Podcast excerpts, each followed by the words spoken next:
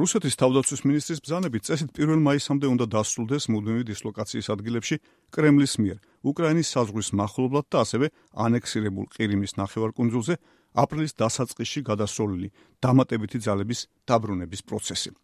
კრემლის სამხედრო ძალების კონცენტრაცია სამხრეთის სამხედრო ოლქში და უკრაინის მიმართულებით საცნელი მიზნებით ხსნის და უარყოფს რაიმენაირ აგრესიული ჩანაფიქრის არსებობას უკრაინის ან რომელიმე სხვა ქვეყნის წინააღმდეგ. Войска продемонстрировали способность обеспечить ჯარებმა მოახდინეს იმის დემონსტრირება, რომ შეუძლიათ ქვეყნის თავდაცვის საიმედო უზრუნველყოფა. ამასთან დაკავშირებით მივიღე გადაწყვეტილება დასრულდეს შემოწმების ღონისძიებები სამხრეთ და დასავლეთის სამხედრო ოლქებში. в южном и западном военных округах. განცხადა შოიგუმ, რომელიც 22 აპრილს პირადად ჩაფრინდა ანექსირებულ ყირიმში, სადაც სამხედრო პოლიგონ ოპუგზე რუსეთის სამხედრო ძალების ბოლო დროის ერთ-ერთი ყველაზე მასშტაბური წვრთნა გამართა.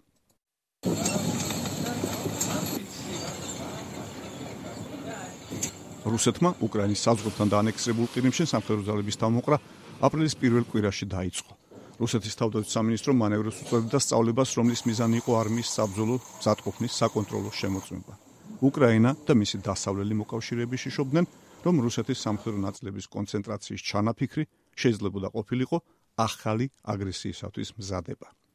მით უფრო რომ ძალების კონცენტრაციას თან ახლდა ცეცხლის შეწყვეტის რეჟიმის დარღვევა აღმოსავლეთ უკრაინის კონფლიქტის ზონაში. უკრაინის დამცველებისა და რუსეთის ჰიბრიდული ძალების პოზიციური ბრძოლების შედეგად ორივე მხრიდან 10-ზე მეტი სამხედრო და სამოქალაქო პირი დაიღუპა. უკრაინის პრეზიდენტმა ვოლოდიმირ ზელენსკიმ 22 აპრილს განაცხადა, რომ უკრაინა მიესალმება საზღვრებიდან რუსეთის სამხედრო ძალების გაყვანას. რუსეთის გადაწყვეტლებას მიესალმა ნატო, რომელიც მანამდე მწვავედ აკრიტიკებდა კრემს სამხედრო ძალების არაპროპორციული გაზრდის გამო. მაგრამ დეესკალაციით გამოწვეულ ფრთხილ ოპტიმიზმს არიზიარებენ თავად უკრაინაში, ქვეყანაში, რომელიც იარაღით ხელში მე-7 წელია იცავს თავის სუვერენიტეტსა და ტერიტორიულ მთლიანობას რუსეთის მიერ თავს მოხვეულ მასშტაბურ ჰიბრიდულ ომში. Я считаю, что наоборот это только начало эскалации. Дело в том, что как бы мы ни говорили о том, что Пирикит, ეს მხოლოდ ესკალაციის დასაწყისია. რამდენიც არ უნდა ვილაპარაკოთ იმაზე, რომ პუტინმა გადაწყვიტა სიტუაციის დეესკალაცია. რომ დაძაბულობის განმუხტვის მიზნით ბაიდენმა შესთავაზა შეხვედრა და რუსეთის ჯარები იწყებენ ყაზარმებში დაბრუნებას. თავარი ისაა, რომ პუტინმა შეძლო მოხერხებულად გამოეყენებინა სამხედრო შანტაჟი და სამწუხაროდ დასავლეთმა ვერავითარი სტრატეგიის შეთავაზება ვერ შეძლო. ევროკავშირში იყო დაბნეულობა და იყო მხოლოდ თხოვნა, რომ არ მომხდარიყო პროვოცირება. ნატომ უფრო სერიოზული რეაგირება მოახდინა, მაგრამ ძირითადად ცდილობდა, რომ სიტუაცია დამშვიდებულიყო. მაგრამ არ ყოფილა შემოთავაზებული არავითარი სტრატეგია იმ შემთხვევაში, თუ რა უნდა მოხდეს. თუ პუტინი შემდგომში კიდევ ერთხელ მიმართავს მსგავს სცენარს, სამხედრო შანტაჟს. აი ეს არის მთავარი პრობლემა, რის გამოც ჩემი აზრით პუტინი კლავაც შეეცდება გამოიყენოს სამხედრო შანტაჟი მიზნების მისაღწევად. чтобы добиваться своих целей. უთხრა რადიო თავისუფლებას მიხაილო სამუსმა, პროფესიული სინდიკატის არმიის კონვერსიისა და განიარაღების სწავლების ცენტრის დირექტორის მოადგილემ. კიევი 2014 წლიდან იბრძვის აღმოსავლეთ უკრაინაში სეპარატისტების წინააღმდეგ მას შემდეგ, რაც რუსეთმა ყირიმის ნახევარკუნძულის ანექსირება მოახდინა. უკრაინის აღმოსავლეთ დონბასის რეგიონში 7 წლის წინ დაწყებული შეერაღებული კონფლიქტი მიუხედავად არაერთგზის გამოცხადებული ცეცხლის შეწყვეტისა სინამდვილეში კვლავ გრძელდება. გაეროს ანგარიშის თანახმად 2014 წლის აპრილიდან დაწყებული აღმოსავლეთ უკრაინის კონფლიქტის ზონაში 13000-ზე მეტი ადამიანი დაიღუპა, ხოლო მილიონზე მეტი დევნილად იქცა. უკრაინის პრეზიდენტა ვოლოდიმირ ზელენსკიმ, რომელიც თავის აპარატთან ერთად აქტიურად განიხილავს რუსეთის პრეზიდენტთან შეხვედრის შესაძლებლობას, 27 აპრილს უკრაინის არმიას მოუწოდა საბრძოლო მზადყოფნაში დარჩენ უკრაინის საზღვრებიდან რუსეთის ჯარების გაყვანის მიუხედავად. უკრაინის პრეზიდენტის თქმით, რუსეთის ჯარები ნებისმიერ მომენტში შეიძლება დაბრუნდნენ. როგორც რუსული ესკალაციის ამ აპრილის კვირეულ მაჩვენა, დასავლეთის პოლიტიკური მხარდაჭერა ძალიან მნიშვნელოვანია, მაგრამ რუსეთის აგრესიის შემთხვევაში უკრაინას ერთადაც საკუთარი თავის იმედზე ყოფნა მოუწევს. Украины как бы ситуация с одной стороны и сложнее, и с другой стороны проще. უკრაინისთვის სიტუაცია ერთი მხრივ უფრო რთულიცაა და მეორე მხრივ კი უფრო იოლიც, რადგან უკრაინამ შეძლო საკუთარი სტრატეგიის შემუშავება. აქ პრინციპში მშვიდად აღიქვეს ეს ვითარება, რადგან ომი ისედაც მიდის და თუ პუტინი განიზრახავს სამხედრო ძალის გაზრდას, ესე იგი იქნება ომიც და იქნება მსხვერპ. ყველა შეეგუა იმ აზრს, რომ რუსეთი იქვეა, რომის ყოველთვის ასეთი აგრესიულია და შესაძლოა ამ ომის თავიდან აცილება ვერ მოხერხდეს. ამიტომ უკრაინას აქვს სტრატეგია, რომლის თანახმად მომავალშიც უნდა გაგრძელდეს შეერაღებული ძალების მშენებლობა.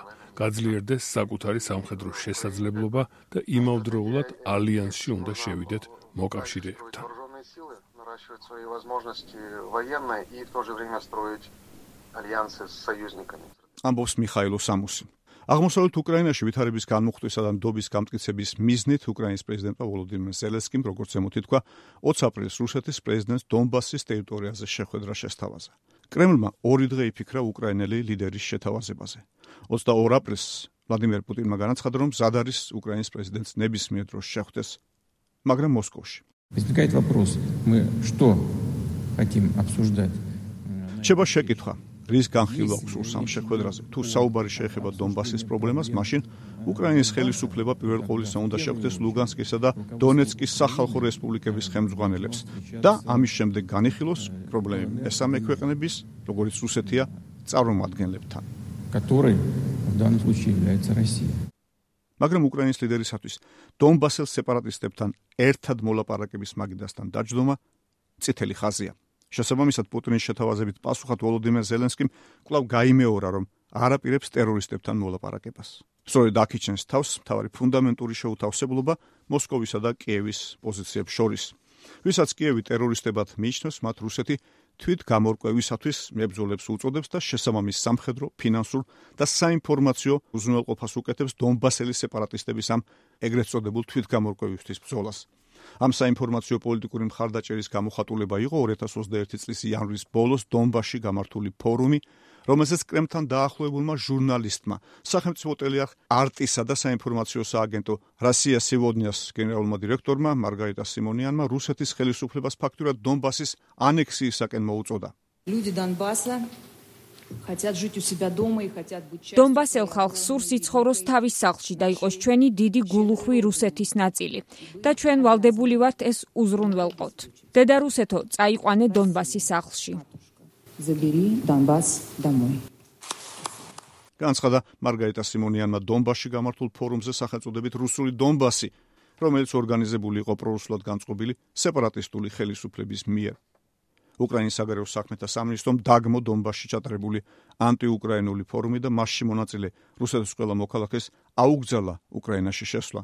მარგარიტა სიმონიანის განცხადების კომენტირებისას კრემლის პრესდივანმა დმიტრი პესკოვმა განაცხადა, რომ დონბასის რუსეთის შემადგენლობაში შესვლა არ დგას რუსეთის პოლიტიკის დღის წესრიგში, არც პირდაპირ და არც ირიბად.